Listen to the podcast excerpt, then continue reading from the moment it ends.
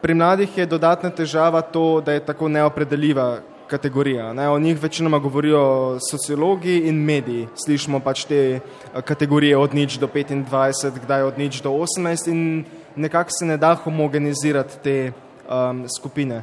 Kakšne ima posledice za mlade je, da preden začnejo govoriti oziroma pisati, po mojem mnenju je zmeri neka predpostavka, kaj bo mlad človek povedal. Zdaj, um, zdi se mi, da tukaj pa se da te stvari dekonstruirati na način komunikacije med viri vednosti in proizvajalci vednosti, v smislu, da tudi mladi lahko, um, ti, ki so homogenizirani, lahko pač heterogenizirajo uh, te predstave. Če mlade reduciramo na, nekih, na nekaj teh osnovnih splošnih predpostavk, omenil si že, da je težava že samo opredelitvijo, kdo ne bi sploh mladi bili, a se lahko sploh formirajo kot neki kritični odjemalci novinarskih in drugih medijskih vsebin.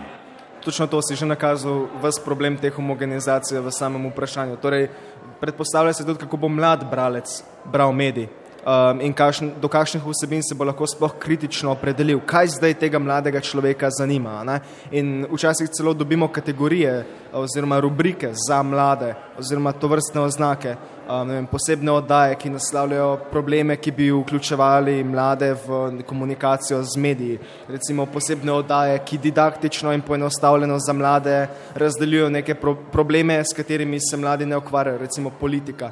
Um, in to vrstne prakse se mi zdijo lahko do neke mere koristne, ker ne bom zdaj idealiziral mladih, nekateri smo in so za določen tip družbene problematike neizobraženi oziroma ne vemo nič o tem. In, ampak se mi zdi, da to ni vezano samo na mlade, ampak na splošno na celotno populacijo kot tako.